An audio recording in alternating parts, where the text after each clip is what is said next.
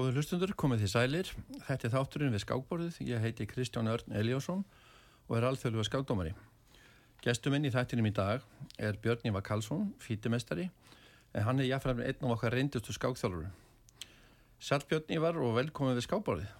Já, sæl og þakka fyrir að fá mig aftur. Já, velkomin. Eh, þú varst hjá mig í síðasta þætti á samt Jóhannu Björgu, Jóhannsdóttur, varafórsta skáksamast Íslands og landslíkoni skák Mm -hmm. og þið rættu meðal annars um stöðu stúlkn og hvenna í íslenski skákrifingu skákþjálfum barna og úlinga bæði í grunnskólum og hjá skákfjölunum sjálfum þið fóruð inn á af þess að skapa aðstæður þar sem allir geta greint frá atbörðum mynda, sér, mynda vinarsambönd hjá tilfinningar sínar og hugsanir og með þetta leðilósi er þið framtíðin á allt björnt í íslensku skáklífi var þetta ekki nokkur neð það sem við fórum yfir? Jú, jú, jú, algjörlega, algjörlega. En hérna, en við komum kannski aðeins inn á þessi mál síður í þættunum en mér langar til að heyra aðeins meira frá sjálfum þér. Já, og hérna, svo sem önnu störf fyrir ska, innan skákrefingarinnar uh, kynni þína kynlegum kvistum Mhm. og einhverju skemmtilegar og kannski einhverju skemmtilega sögur. Já, já. en uh, eigum við kannski að byrja kannski á bara tæknimálun Já, Þú hefur séð um tæknumál, beinar útsetningar frá mótum fyrir skáksambandið í langa tíma, meðal hans í Reykjavík Open og Reykjavík, Reykjavík skákmótunu og, og Evropmótunu og já, fleiri mót. ak akkurat.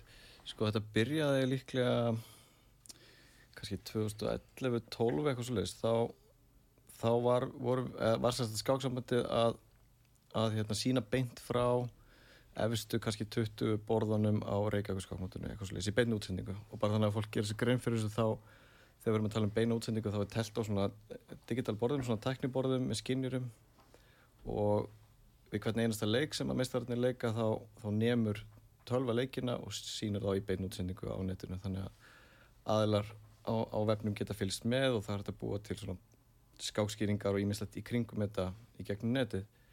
Uh, þá hafði Haldur Gretar Einarsson verið að sjá um þessar útsendingar fyrir skáksambandið og hann var svo áhugaðsamur um að tefla sjálfur í mótinu þannig að hann var eiginlega að, að, hérna, að gera bæði sko, setja upp útsendinguna og tefla og var búinn að plata mig til þess að hjálpa sér eitthvað við þetta. Þannig að ég hjálpa honum að tengja þetta og hann kenni mér allan búnaðinn og, og hvað að tengja og að fara hvert og svona. Þetta er alls konar fræði í kringum þetta og, og margi kaplar og, og snúrur og ímislegt þannig að hann síndi mér þetta allt saman og kendi mér á búnaðinn og svo hérna svo þegar kom að því að að starta mótinu þá sagði hann Herru, þú stendur svo bara í þessu, ég er að fara að tefla, við sjáumst. Og setti svo bara að byrja að tefla og ég er ekki hugmynd um það sko. þannig að þar með var ég bara fastur í þessu og búin að vera í þessu síðan sko, má segja.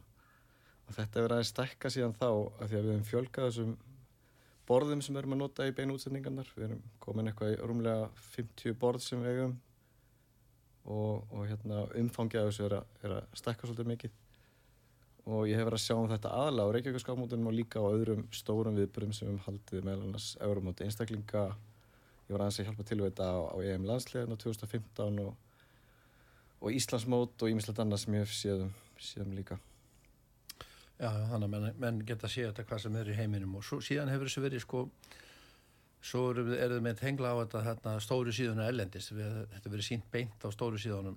Já, já, og þessi mót hafi verið bara mjög vinsal og mikið fylst með þessu, sérstaklega Reykjavík skákmótið og núna síðast var, var svakalega mikið fylst með þessu því þá voru svona aðlæra tefla hérna sem voru svona þekktir á, á samfélagsmiðlum svona það sem að kalla á einsku svona chess streamers, skákstreymirar þannig að það voru, voru þúsundur eða ekki hundruð þúsunda eða miljónir manna jafnvel sem voru að fylgjast með, með mótinu erlendis. Þannig að þetta er, þetta er svona eftirsótt að, að fylgjast með skákunum hérna sko. Eins og til dæmis, já, síðasta móti var Pía Kramling að fylgjast með dóttir sinni önnu Kramling. Já, akkurat og var, að, var svo að streyma á Twitter eða hvað, eh, var að streyma allavega og lýsa þessu bara í beinni með, með forrið sko, sennilega OBS eða eitthvað var með svona forrið sem hún gætt lýst eh, bæði verið í mynd sjálf. Já, einmitt. lýst skákinni og sagt hvað þetta gera og svona og hvað hún mælti með og Akkurat. hvað hinn var að hugsa. Þá eru þessar aðlar að taka skákinnar þá frá mér og sína þær í, í hérna, sinni útsendingu í rauninni, fá leikina beint þar inn og, og útskýra jafnáðum hvað er að gerast. Og þá er nú mikilvægt þannig að maður, maður sem er puttan á púlsinum og standi sig, að maður má ekkert klikka. síðasta Reykjavík skámundi, það voru 400 mann sem teldu voru með, Já. 402 allan til að byrja með Mm um, Ætlum við höfum kannski verið með hvað, 35-40 borð þá eða hvað? Já, eitthvað svo leiðis. Og svona ákveðin partur á salunum sem að ég var með í beinu útsendingu þá. Og hérna, já, efstu 40 borðin líklega.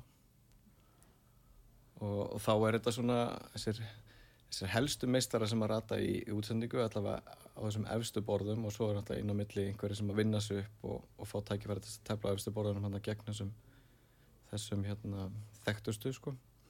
Þannig að það er svona ákveðu keppikefli fyrir þáttekandur að standa sér það vel að þeir rati í útsendingu rati í beinu útsendingu. Það er alltaf skemmtilegt En það er kannski fyrst við erum í borðunum og tækninni. Höldum, að, höldum við aðeins áfram með það. Þá náttúrulega þarf svolítið að vara sig á því að þegar ellendu þjónanir eins og Test24, Test.com mm hvað heitir þetta alls saman? Já, já. og fleiri, fleiri síður. Uh, þá geta menn séð hvernig tölvan metur stöðuna. Já, og þess vegna uh, tókum við upp þessa tafir 15 mínúna töf kannski Já, einmitt.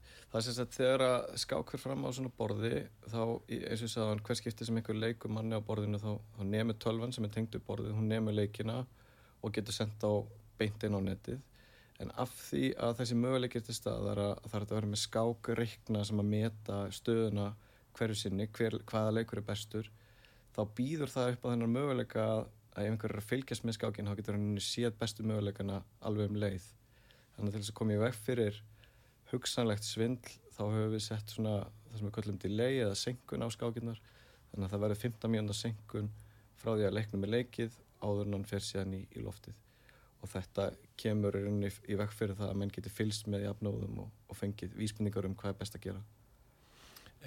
Mitt menn hafa svona það hefur komið fyrir vonandi ekki hérna á Íslandi en út í heimi að Já, menn hafa verið með vitósmenn í, í salnum eða e- einhver áhórandi gefið merki og, hérna, já, og þess vegna er getur hann ekki gert það lengur í rauntíma þannig þá að gefa merki sem er 15, 15 minna gammal já, einmitt, einmitt þannig að svindli verður strax mjög ómarkvist sko. en þetta byrjaði hérna fyrir einhverjum árum síðan ég held að hann verið fransku skákmaður sem var staðin að þessu í fyrsta sinn sko, að svindla á, á svona stóra móti og með eitthvað út í sal sem var að gefa hann merkjum hvað hann ætti að gera og, og svo hafa ímsir aðri verið staðinir að, að svindli svona mótum út í heimi og, og hérna, þetta er leitt til þess að skákreifingin bara almennt er fann að taka harðar á þessu þetta er alveg hrikalega leðilegt sko, svona svindl og það ber líka á því á mótum að, að þegar fólk er að tefla að, að hérna, einhver stendur sér vel þá var hann strax grunar um eitthvað skilur já, já. þannig að mönnum er, er ekki treyst sko, jafnvel þó að séu bara efnilegir og, og hafa verið að bæta sig þá, þá fara strax þá fara menn strax að hugsa eitthvað misjant sko. Þannig að það er um að gera bara að taka hart á þessu og reyna að stoppa þetta. Mm það er enda að koma upp eitt mál fyrir nokkrum árum hérna, það var erlendur drengur sem að svindlaði og, Já, og hérna, já. hann fór svo í bann og hérna. Einmitt, og það, semst, en nú eh, talandi um þetta líka að mér sem er professor Kenneth Reagan hérna frá bandaríkjónum mm hann er svo til minn svo síðasta móti þá hann fer yfir skákinar það, Já, semst, það er professor í bandaríkjónum sem er með þetta screening tool eða þetta tæki sem að sko, metur hvort þú sett að tefla sko, undir getu, yfir getu. Akkurat. Ef þú teflir mikið yfir getu þá koma svona aðvörunar uh, merki og, og þá er kannski er þú eða skásturlanóti við, vita sko fylgjast betur með þessum. Já, hann er með eitthvað búna sem að skanna skákirnar og, og hérna, eins og segir, gefur hann að merki ef það er eitthvað óeðlilegt sem er í gangi, óvenju gott eða eitthvað sem að líkist kannski því sem að tölvan er að stinga upp á.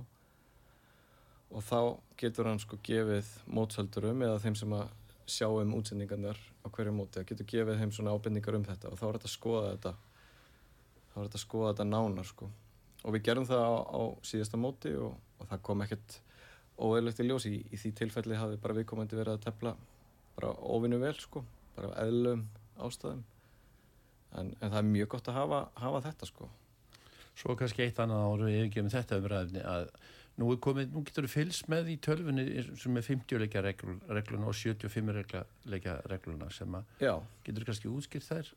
Sko það eru ákveðnar eh, ákveð, ákveðnar möguleika skulum við segja í skák til þess að krefjast játeflis til dæmis ef að sama staðin er endurtekinn þrísvar eða að skákin hefur verið teld í, í meirinn 50 leiki og einhver peði hefur verið leikið eða, eða engin maður drepinn sem sagt sem gerist stundum í löngum skákum ef annar að reyna að vinna og hinn að verjast og, og kannski ekkert markvert er að gerast í skákinu þá er þessi möguleiki að, að fara fram á jættefli, að krefast jætteflis menn svona fara þá í hálgjörða ringi og ef þeir endur taka það þá Já. er komin í sama staðan þrjusus Akkurat, akkurat og það er kannski leiðilegt að vera að tepla í marga, marga klukkutíma vegna þess að í, í þessum skákum þá eru menn með viðbóta tíma sem gerir þeim kleift í rauninni að tepla tæknilega sér endalaust. Og til þess að útloka það að það sé verið að, að hérna, tepla jattefli stöðu alveg bara endalaust þá, þá er þessi möguleikið til staðar og þá, þá verða skákmenn sem sagt að, krefjast jatteflis og, og bera þessa kröfu uppmundi skákdómara sem fer síðan yfir hana og staðfestar hana ef hún er, ef hún er rétt eða lætur síðan skákina halda áfram. Og í þessum nýja búnaði sem við erum með í þessum beinum útsendingum þessum, þessum forreitum sem við erum að nota þá eru möguleikar sem að sem að gera okkur kleifta í rauninni fylgjast með þessu og fá ábendingar að tilkynningar um það jafnóðum ef að þessi möguleiki er fyrir hendi jafnteflis möguleiki þannig að stundum gerist það á þessum mótum þegar ég er að halda utan um útsendinguna að, að hérna, ég sé í útsendingunni hjá mér að sama staðin er kannski konum þrísvar á einhverju borði eða það hefur verið leiknir 50 leikir að þess að neitt merkilegt hafi gerst. Og, og þá geta skákdómarnir leita til mín í rauninni til þess að staðfesta að jættaflis krafan sér rétt vegna þess að áður en að við fengum þessi forrið þá þurftu skákdómarinn og keppindunni að fara á annað borð til þess að fara yfir að hvort að krafan hafi verið rétt sem var stundum svona kannski auka vesen fyrir alla. Þannig að það er mjög þægilegt að geta leita til mín og, og fengi staðfestning á því bara ekki tölvubúnaðin að, að jættafliskröfu séu réttar eða ekki ef að svo byrjum undir Já, þetta léttir lífið fyrir skáttumara mikið. Já, maður segja það sko. Og svo náttúrulega 75 leikja regla þá var það þannig að hún er samskonan nema bara það að þá þetta ekki gera kröfu þá var skákinni bara, hún, hún henni lokið eftir 70, eftir, og sömu skilir er fyrir hendi eftir 75 leiki og það skiptir ekki málu þó menn haldi áfram byrju 100, skáki, nei, 100 leiki þá bara það var jafnteflið þarna eftir þessi tímamörk já, eða sérst leikjamörk. Og þá kannski getur bara dómar að sjálfur grípið inn í án þess að skipta sér neitt að keppandum sko. þá gerir hann það bara. Já. og þó að skákinni sér lokið með sigur og annars er það þá, þá á að breytið að jafnteflið því að henni laukur henni veru við, við, við þetta mark. Einmitt. þá erum við búin að fara aðeins yfir tölvumálun þarna segðu mér nú kannski einhverja skemmtilega sögu líka svona, af, af mótum. Þú, hérna, þú fóst með fóst ekki með þú fóst á Mos, til Moskvu og eraflótmótin ekki, þú farið. Jú, ég var alltaf duglegar að svona þegar ég var aðeins yngri svona úlingsárum og, og svona fram yfir tvítugt kannski, þá var ég alltaf að þvælast um heiminn tepla bæði á svona norðalandamótum og heimsmyndstarmótum ungmenna og líka einhverjum alþjóðlega það voru nokkar svona hópferðir á þessum árum í kringum aldamótin og uppur aldamótum. En voru að fara mikið til Austur-Európu taka þátt í mótum í Tjekklandi og Ungverjalandi. Uh, veitum þar vinetir uh, bara he heilu sumri nánast 2004 svo teldi ég á mjög eftir, eftirminnilega móti í Mosku uppur aldamótum. Það var hópferð þangað sem var farin undir stjórn Helga Ólussonar, skólastöru skákskólans. Og það var góður hópur af, af skákmönnum þar.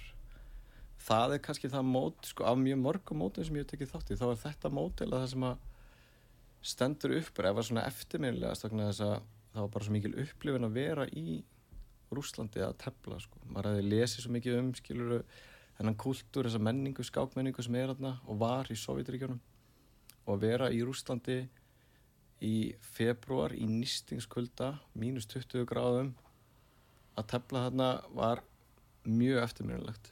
Og það var telt sko á á hóteli sem að hétt Hótel Rossja og var á þeim tíma að ég held stærsta hóteli í Európu eitthvað rúmlega 6.000 hótelherbyggi alveg upp í Rauðatorkið og bara í hjartaborgarinnar og hérna og bara koma þetta inn sko. Ég veit ekki, mér leið svolítið eins og ég var að fara aftur í tíman sko, það var einhvern veginn öll upplifunum á þannig, það var einhvern veginn rikt allstar og það var allir, sko allt umhverju var annarkort sko grátt eða brúnt á litin þú veist, og hérna og hótelið var sko alveg á síðustu metrunum.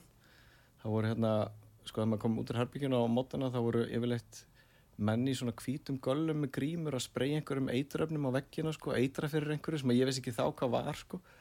kom síðar í ljósa að hérna var mjög mikill róttugangur sko, inn í veggjónum og alls þar og þegar maður fór að sofa kvöldin þá, þá sopnaði maður við, þú veist, krafsið í róttunum inn í veggjónum sko, við höfugablinu og svona.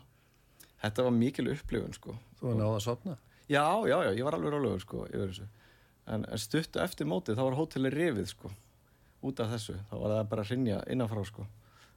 En þetta var, já, þetta var mjög eftirminnilegt mót. Og þarna voru það, það var telt í, þetta var flokkaskipt mót sko, það var A-flokkur og B-flokkur og gott að það var ekki C-flokkur líka ræði eftir, eftir styrkleika. Og í A-flokknum voru, voru þeir bestu, ég held að skilunin hafi verið 2500 stíg og yfir. Þannig að þar voru þekktustu skákmenn heims og ég var að tefla í B-flokki sem var svona fyrir ég man ekki hvað var 2200 og upp, úr, upp í 2500 eitthvað svolítið og þar fekk maður mjög mjög harða anstæðinga sko. Og hérna og það voru líka bara skemmtilegi karakterar með þessari ferð. Ég man að yngvar heitin Ásmundsson var í þessari ferð. Og þetta eru svona menn sem að þú veist, eru eftirminnilegir og, og, og kendur manni ímislegt sko. Alls konar praktísk ráð sem að sem er gott er að þekkja til þess að vera betið skák. Já, skólastöðið innskólans Já, einmitt Uh, já, Helgi Ólafsson, hann, hann er búin að fara nokkra ferðir, allan þeirra ára ekki fleiri þarna á, á þessu mót. Hann var einmitt að segja frá því, hann var ég held að þetta séu þrý flokkar, sko. Ég held að sé, já, ég, ég, ég ætlum ekki að fara ég man ekki alveg hvernig hann orðaði þetta, en ég held hann sé inn á því að hafa svona þrískipt á Reykjavík-mótunum líka. já, þetta hefur alveg algjörlega sína kosti sko. Þú veist uh, Reykjavík skápandi hefur verið bara opið fyrir alla það hefur sinn sjarma sko, þú veist, gefur ákveðnum keppandum tækifæri til þess að mæta bestu skákmennum á mótinu bestu skákmennum heimsjafel en kosturinn við þessa flokkaskiptingu er að þú færð anstæðinga sem eru viðræðanlegir fyrir þig þú ert ekki að tefla mikið niður fyrir þig þú ert ekki að tefla mikið upp fyrir þig þannig að það, þetta býr til öðru í þessi mót sko. Mm. þannig að hefur, hefur vissulega sína kosti sko. Fyrst við erum að tala um svona skákferðarlög já, þú hefur verið í, í Azerbaijan eða Baku, eða við báðir. Við vorum Mhm. á olimpíumótun í Baku hvað 2016 og svo í í hérna Georgi 2018 í já, Batumi. Já. Uh, ferðin til Baku þá nú svona, hún var svolítið Já, bara, svolítið ævintræðileg og skemmtileg. Já. þetta er svona svona Abu Dhabi, þetta er eitthvað svona, eitthvað svona o- o- o- olíu, já, já, olíuveldi. Einmitt, mjög merkilegu staðar að fara til, sko, fannst mér og, og mikið æfintir þetta mót. Þetta var náttúrulega haldið í, í hérna, Kristalshöllinni sem að var byggð fyrir Júravísum keppnuna sem var haldið hérna skömmu áður í, í Baku. Og svakaleg bygging og, og hérna mikið og gott plássaðinni á keppnistæðnum og einhvern veginn allar aðstæður algjörlega frábærar og, og vel hugsað um allt sko og hérna en en bara menningin í landinu náttúrulega eitthvað sem var algjörlega nýtt fyrir mann. Ég hafði á þessum tíma ekkert farið mikið mikið austar í heiminum sko. Og hérna já bara öllu leiti algjörlega eventýrlegt mót sko. Við lendum reyndar í smá vandræðum hérna í byrjun ferðarinnar. Þetta var langt ferðalega frá Íslandi. Og einhver staðar á leiðinni þá týndist farangurinn okkar og við kom, þegar við komum tilbaka og náttúrulega allir döðþreyttir og ósopnir eftir langt ferðalag og, og marga flugleggi þá, þá var það svolítið svekkjandi að fá ekki ferðartöskunni sína. Þannig að menn fóru að sofa og, og fóru síðan eitthvað grænslega fyrir með þetta daginn eftir og, og það, var, það var ekkert að frétta töskunum og þá var hann með okkur í þessari ferð sem held utan um svona ímis praktisk mál. Kjartan Mokk sem starfaði þá fyrir skáksamandið og hann fór í þetta og var heilmikið heilmikið hérna missjón sko að, að eldast við farangurinn og, þetta þetta var kannski sérstaklega mikilvægt fyrir mig vegna þess að ég er með ákveðna sjúkdóma sem krefast þess að ég þarf að taka í lif á, á hverjum degi og hluti af lifinu mínu voru í, í töskunni þannig ég þurfti nöðsynlega að fá þetta. Ég, ég, ég held ég að vera með lif sem að döðu mér í einhverja tvo, þrjá sólarhenga þannig að uh, ekkert gerðist þarna fyrsta daginn og, og það var ekki fyrir en öðrum degi sem eitthvað fréttist á töskunum en þá var ég orðin svo stressaður að fá ekki liðið mín að, að það var búið að kalla í einhverja hann í mótsnefndinni. Og þeir höfðu útvegað heilan sjúkrabíl bara fyrir mig með öllum þeir liðum sem ég þurfti á að halda. Og þessi sjúkrabíl var bara á sólarhengsvakt fyrir utan hóteli, bara tilbúin að grípa inn í ef að, að taskan kem ekki leitinnar og á síðustu stundu þá byrtist nú kjartamokk skjálbrósandi nýri lobbyi með allan, allan farangurinn og taskan loksins fundin og þá, ég man að það var búið að líma límið á töskunum mína, hún var all brotin og illa farin og það var búið að líma límið á töskunum mína sem ástóð Bundespolizei sem er held í þíska lögreglan og einhvern veginn hefði taskað þá vantilega enda í Þískalandi sko sem að við fórum ekkert í gegnum sko þannig að þetta var, já, Það var einhverju fleiri sem að, var ekki einhverju fleiri töskur sem Jú, vantaði? jú, jú. Ómari Salama? já, já, já það voru margir í hópnum sem að áttu töskur og og menn voru orðin ansi, ansi sveittir sko í sömu fötunum hann á þriða degi sko döðfegnir að fá, fá farangur sinn Ég hérna, já, ég, man, ég tók bara með mér litla tösku sem ég tók með mér í velina. Ég, hérna, Já, það hefur verið þegar er svona margir leggi þá tekum maður enga sjensa. Einmitt, já, ég lærði það að þessu að, og sérstaklega líka að passa upp á lifið mín að hafa þengst að nálat mér sko Já, já. En hérna, já, já, svo talandu sjúkrabílinn því að hérna, Róbert Lagaman var nú líka hérna, skáldómari, mm -hmm. og hann, ég man ekki, það var einhver pest að ganga þarna og það kom einhver sjúkrabíl, þetta var allt sjúkrabíla bara, ef eitthvað kom fyrir þá bara mætti sjúkrabíl Já, já, einmitt. Og það var farið með upp á spítala og ég man ekki, það var nú ekki, bara einhver pest. Já, En ég held að hann hafi fengið sjúkrabílinn þrísa svona, hann sagði að hjúkan hefði verið svo myndaleg sem var að annast hann upp Já, á spítala, hann var alltaf, var alltaf bara upp á spítala.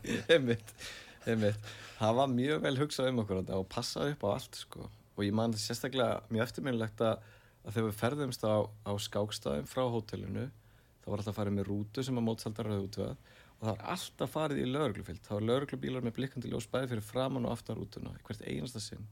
Bæði á skákstæðin og svo heima aftur. Að það var algjörlega að passa upp á allt gengi smurt fyrir sig.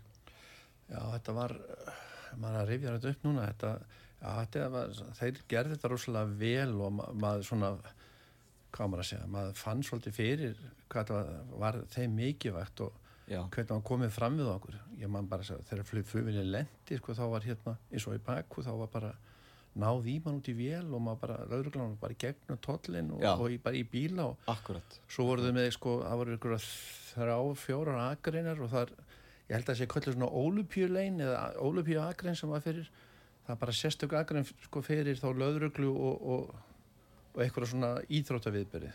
Það fari með fólkið á sérstakar akrein sko, þannig að það myndist aldrei neinn trafík sko. Já, þetta var eiginlega alveg merkilegt sko. Í fyrsta sinn sem ég hefði séð eitthvað svona á, á svona skákviðbyrði sko. Manni fannst þetta mjög merkilegt. Hvað var einhvern veginn sett mikið púður í þetta sko.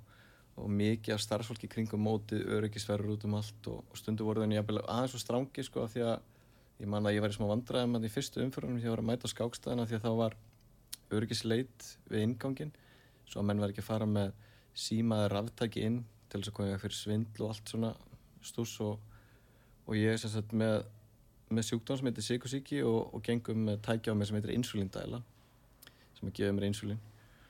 Og það pífta sjálfs á insulindæluna í, í hliðinu og, og öryggisverðinu svo, já þú voru að taka þetta að þér. Þú voru að taka þetta að þér, þú mátt ekki fara inn með þetta.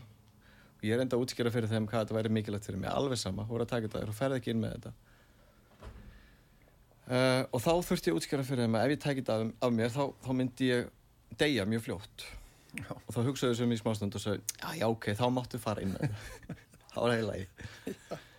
En þeir voru, þeir voru virkilega að leggja sér fram um að gera þetta rosalega vel og, og maður mað skynjaði svolítið að þeir var að passa svolítið vel upp á orðspól landsins út af við. Einhver var að segja mér að þeir væru sko, aðsérarna væru svolítið að horfa kringu sig varandi svona, hvað var að segja, aðra leiðir til þess að afla fjár heldur en ólíuna vegna þess að þetta er náttúrulega ólíuríki og, og núna þegar hlutin er að breytast í heiminum og ólían kannski verður einhverjum tíum minna mikilvæg þá, þá er þetta betra að hafa einhver aðra leiði til tekjuöflunar. Þannig að einhver sagði mér að þeir væru að, að prófa sig áfram í ferðamannabransanum og af því þetta er náttúrulega þetta er múslimaríki þó að sé kannski svona svolítið frjálslegt múslimaríki, reglurnar eru ekki alveg eins strangar eins og í öðrum múslimaríkjum þá, þá eru er þeir samt með sko, þeir eru með sundlög í Bakú uh, og hún er opin held ég alla dagvikunar en hún er opin sko fyrir konur held ég á þriðutum og föstum og kalla hinn að dagvikunar sko. Já, menna það. Þú veist, þannig að þú getur ímyndaðir hvernig þeir hvernig það verður fyrir ferðamannabransan að hérna, þú veist, ef að fjölskyldu fara að koma að hanga í sumafrí sko. Á hvaða hóteli varstu, mástu það? Uh, Býtu nú við, ég man það ekki fljótu bræði, hvað það hétt.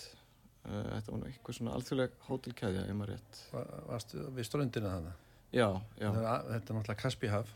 já, var, ég, þetta, ég manna það ekki sjálfur, sko. Þetta, við vorum þetta á fimmstjónu hóteli. Þetta Já, var svakalega flott. já, já, Ég, flott. ég sm- smelti mér í sundskílu og ætlaði á ströndina. Já, Svo það var bara svona 100 metra gangur. Svo því ég kom þangað, það var bara girðing og, og olíubrák, sko. Það var, já, það var engin strönd, sko. nei, nei. Það var bara sundlegin við hóteli alltaf var, mjög flott og þannig að menn voru bara í þessum görðum. Já, já, ég held að sé ekki mælt með því að synda þarna í Kaspíafinu, ekki þarna allavega. Ég buslaði nú eitthvað aðeins í því, sko, bara svona til þess að geta sagst það að gera, gert það, sko. En, en ég man það að þegar við fórum í að því ég var þjálfari hvernig landslisins á þessum tíma ég man það þegar við fórum í svona göngutúra við reyndum aðeins að reyja okkur svona saman liðið að, að hérna þú veist, svona passa upp á liðsmóralin og allt það og fóru út að reyja okkur að þegar við gengum alltaf um ströndina sem sagt ég og, og fimm, þessar fimm konur sem að voru í liðinu á þessum tíma þá virtist sko, virtust hérna aðsirarnir eða kallmenninir sem að gengu á þannum þeir virtist alltaf sko sína mér mjög mikla virðingu sko, kinguðu kolli til mín og heilsuðu mér. Og ég áttaði ekki á því fyrir en ég kom heima kannski hafa þær haldið að þetta hafa allt verið eiginkonu mínu sko, mögulega, maður veit það ekki. Það er einmitt, það er það, það sem bóðir að- virðingu fyrir Já, að vera með skil fjóra, það fimm mjög konur þetta með þér. Já, mjög mikla virðingu sko. Erðu við þarna, við skulum bara skella okkur í auðlýsingar núna.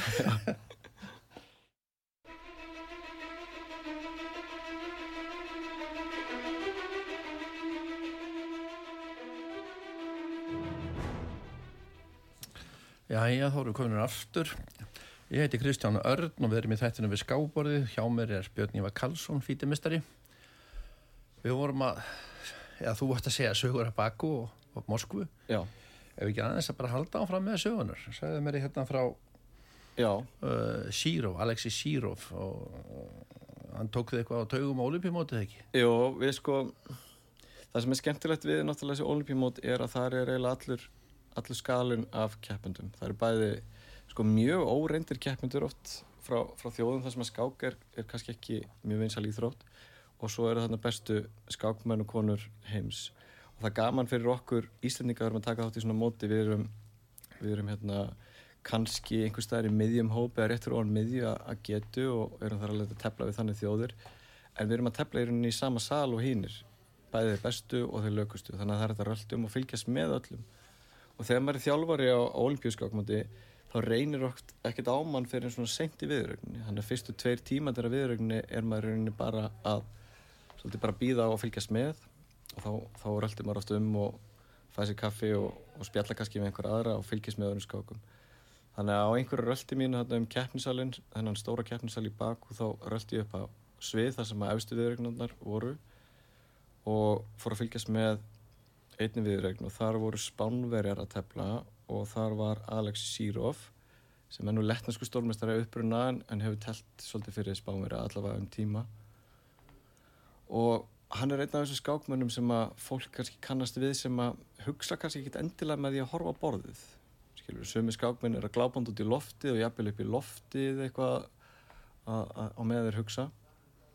Og þegar ég lappa þetta borðinu og er að horfa á, á stöðuna hjá honum og reyna að metta hvað er að gerast og lít sér hann upp, þá sé ég að hann starr bara beint í augun á mér. Og mig grunna hann strax að ég var að trubla hann með að standa hann upp á borðið. Þannig ég færði með þess lappaði nok nokkuð skrifið í burtu og leit sér hann aftur á borðið. Og þá sé ég að hann er enn að horfa á mig. Þannig að ég forðaði mig lengri í burtu kannski 10-15 metri í burtu og líti aftur við. Hann er ennþá að stara á mig. Þannig að ég lappa bara beint aftur að, að borðið íslenska liðsins og kemur fyrir þar aftur. Langt út í sal sko. Svo snýði mig við, síra fara enn að starra á mig en svo sé ég að meðan hann starra á mig þá allt í henni kippist hann við og leikur um leið og það hafði hann alveg örglega ekkert verið að pæla í mér hann var bara að hugsa um skákjuna sko bara, augun bara festust á mig og hann var bara að reikna eitthvað á meðan sko. þetta er alltaf merkilegt af því að, að það eru nokkri skákmenn sem gerir þetta og Hikaru Nakamura kannski einn af þeim sem að hugsar með því að horfa eitthvað annað sko. Mhm. En dula fullar uh, pillur Kasparos, hvað, hvað tengi ekki þar? Já, sko um, þegar ég var yngri þá ólst ég upp í tafélagi Vestmanni og upp úr aldamótum, kannski mætti segja þá þá voru daldi ábyrjandi í íslensku skáklífi uh, skákfélagi Hrókurinn sem að upprunalega var, var hérna, tafélagi á, á Grand Rock og þú kannast nú þetta sjálf og svona partur af þessu Ég var í byrjun meðstofnandi og, og fyrsti varafórseti. Akkurat. Rapp var fórseti. Já, Hrafn heitin var hérna og, og, og Robby, Robert Lagamann og fleiri góðum menn hann í kringum þetta og þetta byrjaði náttúrulega bara í neðstu deild og menn unni þessu upp og komist í efstu deild og margir sem þekkja þess að sögu en síðan þegar að þetta lið komst upp í efstu deild þá fóru þeir að bæta við sig, styrkja sig með því að fá erlenda atvinnumenn í liðið og þá var það svona ákveðin pressa á önnu lið að styrkja sig líka til þess að geta veitt með eitthvað á mótspilnu og Tafélag Vestmanni var eitt af þessum félögum sem að tók þátt í þessari baráttu að styrkja sig svona, fá aðra erlenda keppmyndu til þess að styrkja liðið. Og það var mikið ævindiri fyrir okkur að, hína Íslandingarna sem vorum í liðinu að, að fá að kynast þessum mönnum og, og tefla með þeim. Og það voru mjög margir þekktir nabtóaði skákmestar sem að teldu með tafélagi Vestmanni á þessum árum. Og þetta byrjaði nú allt bara svona að fyrstu liðsmennir sem voru að koma að tefla með tafélaginu voru portugalski stórmestarinn Luis Gallego og franski stórmestarinn Igor Nataf. Þeir komu neila bara svona fyrir vinskap. Ég held að upphæða að þessu var að þá var þetta liðsfélagi minn í tafélagi Vestmanni Einar K. Einarsson hann var stættur á, á skákmóti í Tjekklandi og, og hitti þessa kappa og, og hérna plattaði þess að koma að tefla með okkur. Leta mér þess að skrifa undir. Ég held að fyrsti samlingurinn sem hafi verið gerður um tapmennsku fyrir tafélagi Vestmanni hafi verið skrifaður á, á einhverja kvittun á einhverjum teknískum skemmtistað. Og, þessari kvittum var síðan skilað indi skáksamannsir og hún tekinn góðu gild og félagskiptin afgreitt og, og þessir, þessir ágættu menn kom að tefla fyrir okkur. Og þeir bara, þeim líka svo vel að tefla í Íslandi, fannst bara íslensk menning og skákúltúrn í Íslandi svo skemmtilegur að þeir, þeir tóku lítið fyrir að koma þetta, þetta var bara gaman. Svo stekka þetta svolítið og það fór að vinda upp á sig og það komu fleiri erlendi keppmundur meðal annars svona nöfn sem að menn ætti að kannast við. Jan Timman, hollandski stórmestari sem var um tíma einna bestu skákmannum heims.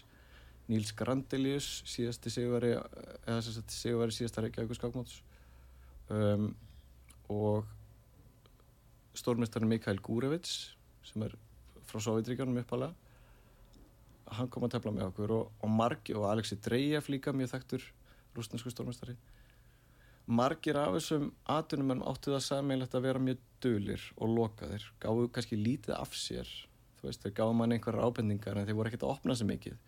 Nema Gúrevits sem að mér fannst alltaf áhugavert komandi úr þessum soviska kultúr var samt svona opinn og, og hress og, og hérna, léttur sko.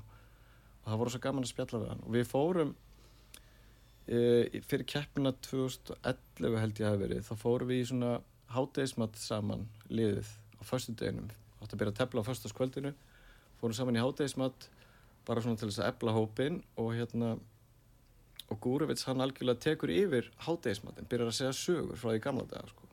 sem alltaf algjör veistla fyrir mann sem er svona skák sögunörd eins og ég sko, að fá svona sögur á fyrstu hendi. En Gúruvits hafði sko hann hefði komið til landsins heldur daginn áður og liðstjórn okkur á þenn tíma, Þorstein Þorsteinsson sem er ennþá liðstjóri tafélagsvæsmenni hann hefði sótt hann út á flugvöll Gúruvits beigð út á flugvölli og, og þegar Gúruvits kemur út í vélinni það var mjög þungt yfir honum.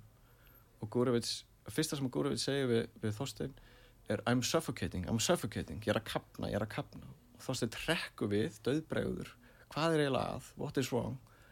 I need to smoke það er að reykja sko, eftir langflug þannig að veist, þetta, og svo fór hann að skella hlæja náttúrulega þannig að þetta var allt svona létt og skemmtilegt. En hann fór að segja okkur svona sögur á því hvernig hefur verið að tepla í Sovjetvíkjunum og Gurevits hafði því verið einn af þeim sem var í aðstofamannateimi Kasparovs í einvíinu í einum af heimsmyndstræmi með hans við Karpov.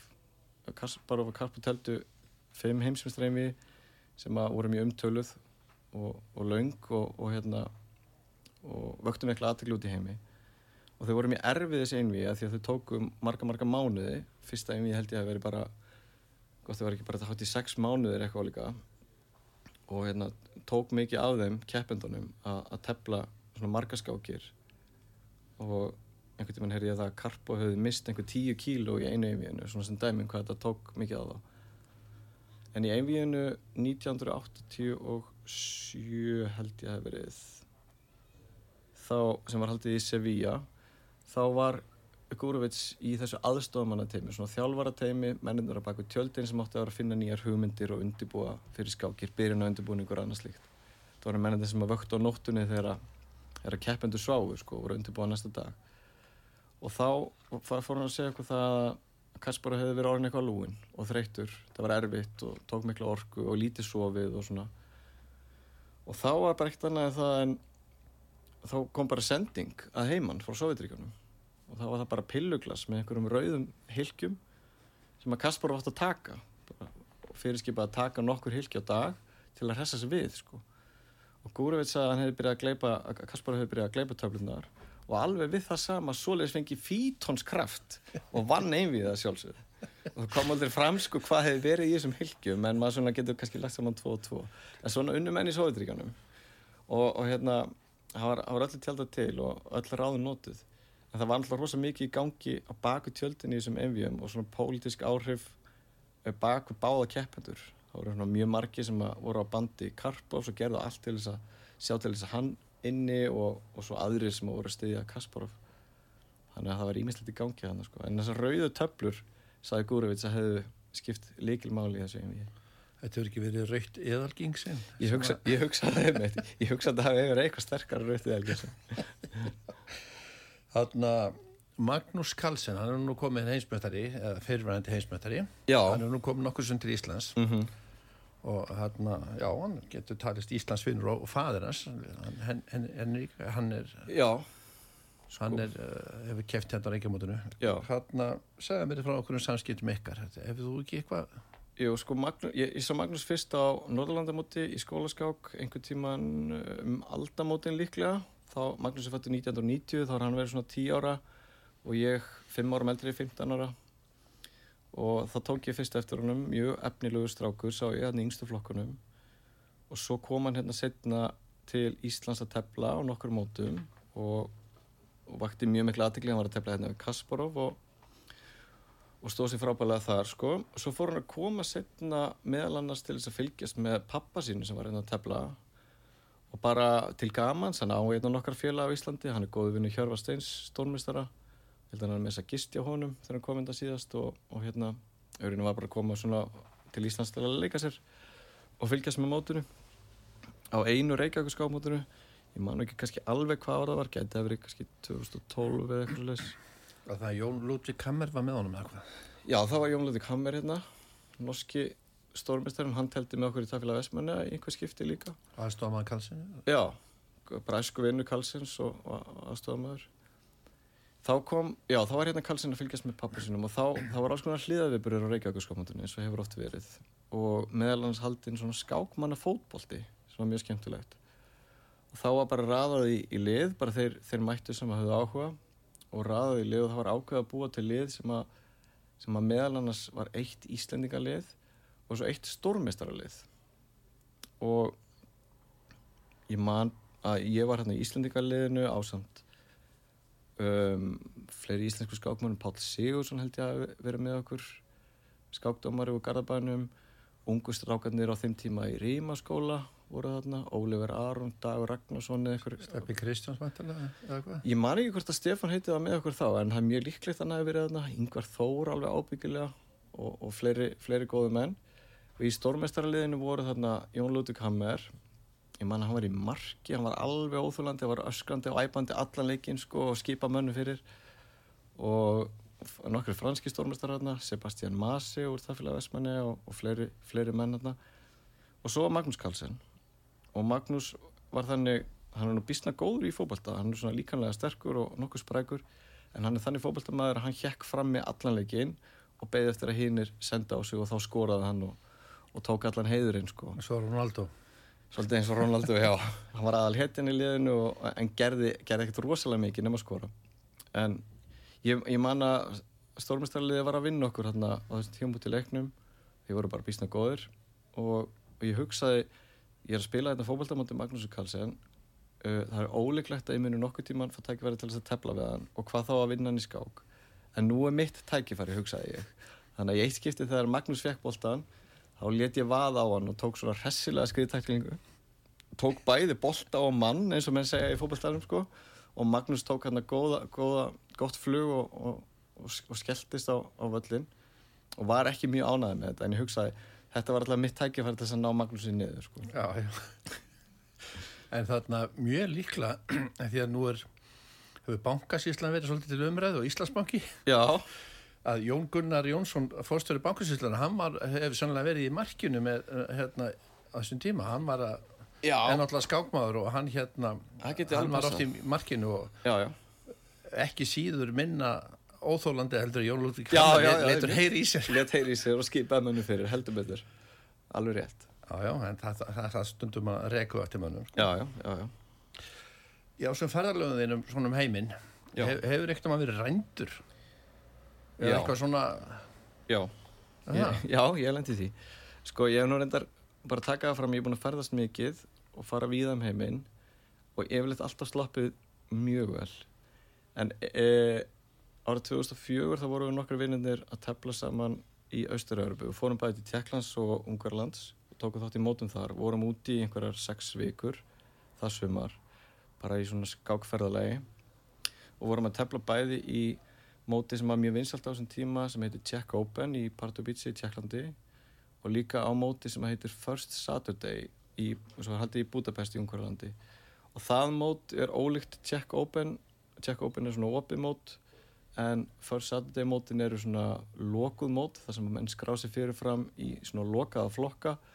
Og þar er svona markmiðið hjá þeim sem er að taka þátt er að ná sér í svo kallega áfanga að meistaratillum þar sem að menn tefla um, og stefnaði að ná ákveðum árangri til þess að ná þessum áfengum til þess að geta síðan unni sér inn þess að titla að verða alþjóðlegu meistari eða stórmeistari eða, eða hvað það er. Þannig að við vorum hann að fjóri vinnirnir ég og, og vinnir minni Stefán Bergsson, Haldur Brynjar Haldursson og Dagur Argrímsson vorum hann að ungir og efnilegi skákmenn að tefla. Og við byrjum í, í Budapest að tefla á fórsætti og spennandi að koma til nýra borgar og allt það, þannig að fyrsta kvöldi sem við komum að þá, þá kíkjum við bara í bæinn röldum um og skoðum okkur um og mótið að hefja stæðin eftir. Og við tillum okkur einhverstað þarna og við lendum í því að það vindur, vindur sér upp á okkur einhver, einhver aðalega þarna sem að fer fram að við látum að hendi einhverja fjármunni bara hann er að ræna okkur og við áttum okkur ekki alveg á því hvað er að gera strax sko. Hvern, hvernig fóru að fram á það var þetta bara já, já, bara... vinsalum tilmæli Nei, ja, þetta var ekki þessaklega vinsalt vinsalegt sko. En hann hérna kræfist þess að við, við letum hann hafa einhvern pening og við náttúrulega þvertókum fyrir það algjörlega. Og ég held að þess að viðræður hafi staðið yfir í rúma klukkutíma sko það sem að við neituðum öllu. Og það enda á því að hann ringdi einhver símtöl og þá kemur bara svartur bens rennir hann upp að maður í svartum jakkafötum mjög stór og sterklega byggðu maður og er vopnaður. Og, og þetta setur svona ákveðin þunga í, í þessa viðræður sko. þannig að við kemumst alltaf upp að endanum og samþykjum alla þeirra kröfur. Þannig að það farið með okkur í einhvern hraðbanka og við tökum út eins mikið pening og við gátum og látum, látum það hafa. Ég man að þetta var á þeim tíma 210.000 fórend sem voru þá 70.000 krónur íslenskar. Og þetta var 2004, þetta var þeim tíma sem að 70.000 var tölveri peningu sérstaklega fyrir unga menn sko á ferðalagi. Þannig að þetta var tóltið mikið högg fyrir okkur. En þegar hann var búin að fá peningin á okkur þá bara brosta hann fram hann í okkur og sagði jæja strákar, á ekki svo bara skuttl ykkur heima á hótel? Þannig að við samþýttum það sjálfsögðu, áttum engan pening fyrir leigubíl hvort þið er. Þannig að við fórum upp í, upp í þennan svarta bens leðuklætt sæti og, og loftkjæling og flott heit sko og hann keirir okkur heim og, og kveður okkur svo. Og þá gerðist það sko sem að gerast á stundu þegar fólk horfir horfist í auðu við döðan sko að það, maður, maður hérna, kemst í snertum við, við eitthvað svona innri kraft sko skilur við eitthvað adrenalin kick og hérna maður fær eitthvað, eitthvað auka kraft og þegar móti byrjaði daginn eftir þá teldu við félagarnir alveg eins og herfóningar og áttum hann algjörlega frábært sumar sko. Stóðum okkur mjög vel og hækkuðum mikið á skákstíðum þannig að þetta er mjög lærdomsíkt og eftir á higgja var þetta fyrsta kvöld kannski tóltið mikilvægt sparki rassin svona fyrir mótið. Uh, að því þú er nú skákþjálfari. Já, svona uh, reynslubolti þar. Svona uh, kynni þín af svona góð, öðrum góðum skákþjálfurum kannski íslenskum og ellendum og, og getur eitthvað sagt mér? Já ég hef fengið bara þann heiður og tækifæri til að starfa bæði með og, og fengið þjálfun frá frá góðum þjálfurum. Hérna á Íslandi er Helgi Ólafsson náttúrulega sko maður lítur eiginlega á hann sem bara svona guðföður okkar allra sem hefur verið í skákinni hérna. Hann hefur kent einhvern veginn öllum eitthvað. Uh, ég fekk tækifæri til þess að fara með honum á nokkuð mót og meðal annars á fóru ég á heimsmestramót ungmenna 2003 teldi þá í, í flokki 18 ára yngri. Og uh, stóð mér svona þokkalega, ég held ég að fengi 50% eitthvað svo leiðis en þar var sko sterkast keppandinn á því móti var uh, Shakriyan Mamedjarov jafnaldri minn frá Azerbaijan einmitt. Og hann vann móti með yfirbúrum hann fekk 10 vinninga, 11 mögulegum leiðið 2 jættabli, næstum maður með 8 vinninga. Og ég mann það sko þetta var, þetta var móta var á Gríklandi þetta var í oktober og það var svona sæmilega heitt þarna og maður var alltaf að tepla bara á stuðbuksum en Mamedjarov mætti hverju einustu umferð í jakkafötum. Og það var svona sér maður með honum sem farði honum kaffi upp á því skákar þannig að maður ma, ma skinnjaði strax sko hvað mikill fagmaður þessi náingi sko. En við vorum þetta þrý strákar, ég, Guðmundur Kjartansson síðan stórmestari og Dagur Argrímsson sem síðan var alþjóðlega mestari við vorum þetta þrýr með Helga og Helgi var að hjálpa okkur að undirbúa okkur fyrir skákinnar fara yfir anstæðingarna og fletta þeim upp og ákveða svona hvað hva þetta tefla í hverju skák. Og stundum var tíminn fyrir undirbúning svona skortnum skamti maður var að hlaupa um að undirbúa eitthvað og Helgi var að reyna að benda okkur á hvað við ættum að skoða og plana og svona og fyrir eina umfyrirna sérstaklega var mjög lítill tími að einhver ástöðu við höfum bara örf á að mínútu til þess að fara yfir anstæðingin fyrir skákina. Og Helgi er alveg sjálflega fróður. Hann veit einhvern veginn eitthvað um allt. Hann hefur sko, hann getur alltaf gefið með einhverja ábyrningar alveg sama hvað viðfangsamnið er. Og hann hefur líka þann sko hæfileika jafnvel þá hann veit ekki nógu mikið um málið hann, hann lætur maður þá getur hann sann sko látið mann trúa því einhvern veginn að hann viti um veist, byggir upp sjálfströst já byggir upp sjálfströst hjá manni sko. Þannig að maður einhvern veginn svona maður getur farið í skákinu alveg með bullandi trúa sjálfum sér. En fyrir þessa tilteknum skák þá flettu upp anstæðingum mínum og kom, komst að því að hann var að tepla eitthvað hliðarabrið á móti minni byrjun síkilega vörn eitthvað sem ég var ekki með neitt tilbúið fyrir og Helgi þurfti að gefa mér eitthvað ráð hvað ég ætti að gera. Þannig að hann flett upp einhverjum skákum í þessu og fann skák með rúsneska stórmestarunum Alexander Grishuk sem að Grishuk hafði unnið í þessu sama abriði hann opnaði skákin í tölfunni og spólaði gegnum hann á nokkun sekundum snýrið sér síðan að mér og horfið augun á mér og sagði og tefli bara eins og Grishuk og þú vinnur. Og þar með fór ég í skákina og vanna sjálfsögðu. Þetta var alveg nóg sko. Þegar þú varst þú varst nú lengi eitthvað ára á Akureyri en ég ætla svona að fá setn, setn í þáttin Haldur Brynjar og, og, og Stefan Bersson og vantar áskiljaður formann Tafélags Akureyrar. Endilega. En viltu segja okkur kannski eitthvað frá svona stutlega já ég sko þess að bjó ég bjó á Akureyri frá þess að 2001 til 2005 en ég var hérna í mentaskóla og 16 ára til 20 og þetta var náttúrulega bara eins og í, í Vestmanneum mjög eftirminnilegt skák samfélag sem var hérna vegna þess að þetta voru svona það voru skákmenn sem voru rosalegir karakterar. Ég get nefnt til dæmis menn eins og Gilvi heitinn Þórhaldsson uh, og Sveinbjörn heitinn Sigursson uh, og svo voru þetta líka mjög sterkir skákmenn fleiri eins og Þóru Valdísson Guðmundur Gíslason voru þetta að tefla með okkur Ólafur Kristjánsson og Smár Ólafsson sonur hans og svo Áskill Örn að þetta voru, þetta voru bara svo skemmtilegi karakterar sem var gaman að vera í kringum. Og það sem var gott sko við þetta var að ég kom úr samfélagi Vestmannum þar sem að ég var að tefla við svona viðræðanlega anstæðingar sem voru samt sterkar en ég. Og þegar maður er að tefla í svona samfélagi sem maður er alltaf að tefla upp fyrir sig einhvern veginn maður er alltaf að tefla við einhvern sem er betri með það sjálfur þá er það svo mikil kvartning fyrir mann að að fara heim og æfa sig og koma sér næst og gera betur.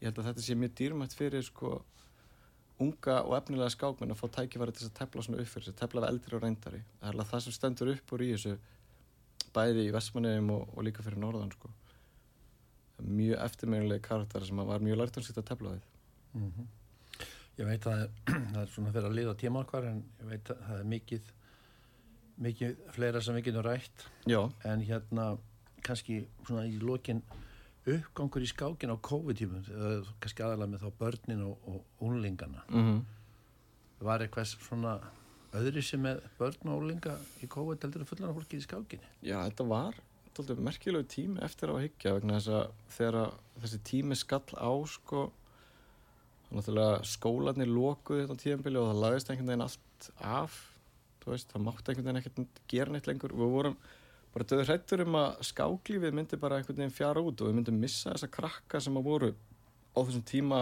efnilegir og áhuga samir sko. Myndum bara, þau myndum bara einhvern veginn missa áhugaðan á skákinni þannig að við fórum í svona smá átak að, að virkja fólk á netinu í skákinni og vorum að halda þá netmót og, og setja skákæfingarinn á netið vorum með skákæfingar á svona fjarkensluformi og í ímsa viðböri ég skipulaði til dæmis sagt, keppni millir nefnda minna og, og skákklubba Erlendis og svo vorum við svona inn, innbyrðiskeppni hérna fyrir klubbana inn á, hérna á Íslandi og það sem gerðist í rauninni á þessum tíma er að að krakkar sko þeir, þeir höfðu eiginlega ekkert annað að gera en að vera sig í skák sko. það var enga fókbaltæðingar, það var einhvern veginn engin skóli það var einhvern veginn ekki hægt að gera neitt nema bara vera heima sig í skák og krakkar tóku alveg ótrúlegum framförum ég man bara eiginlega ekki eftir að séð svona örar framfærir í skák hjá krökkum eins og á þessum tíma sko.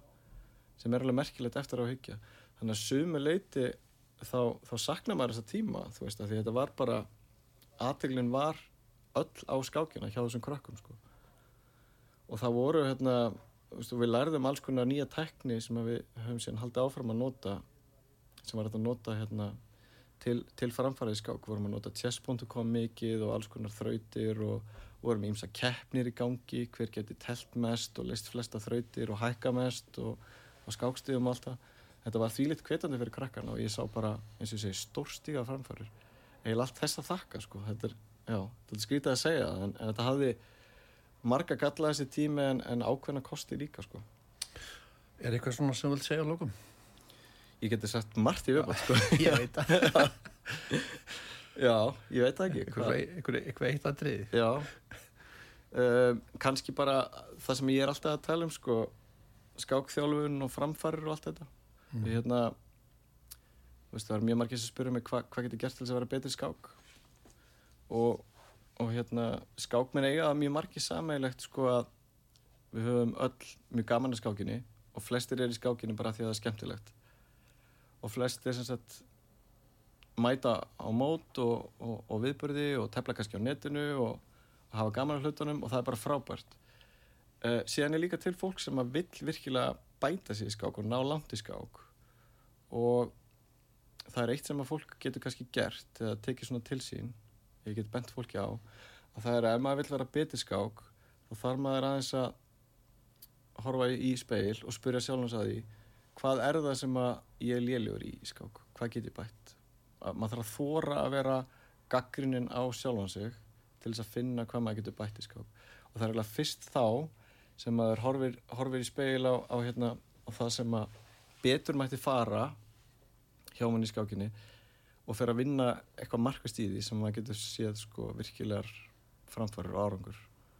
Og þá er ég að tala um til dæmis svolítið, við erum svolítið góð við okkur sko, við, erum, við erum svolítið bara að gera það sem ok, við erum góð í og okkur finnst skemmtilegt uh, en um leiðum að fara að vinna í því sem maður er liðlegur í veist, og gera eitthvað sem er erfitt og stundum aldrei leðilegt þá tekum maður framfærum því ég held að framfærir, maður ná ekki framfærum nema að gera eitthvað sem er virkilega erfitt og ég, ég er svolítið ég reykir mig á þetta sjálfur og þegar ég tekið framfærum þá er ég að gera eitthvað sem, að, sem er erfitt og mhm. krefjandi mm. Í síðasta þætti þá völduði Jóhanna uh, lagið Þú komst við hjartaði í mér með hljónstinni Hjaltalín Já.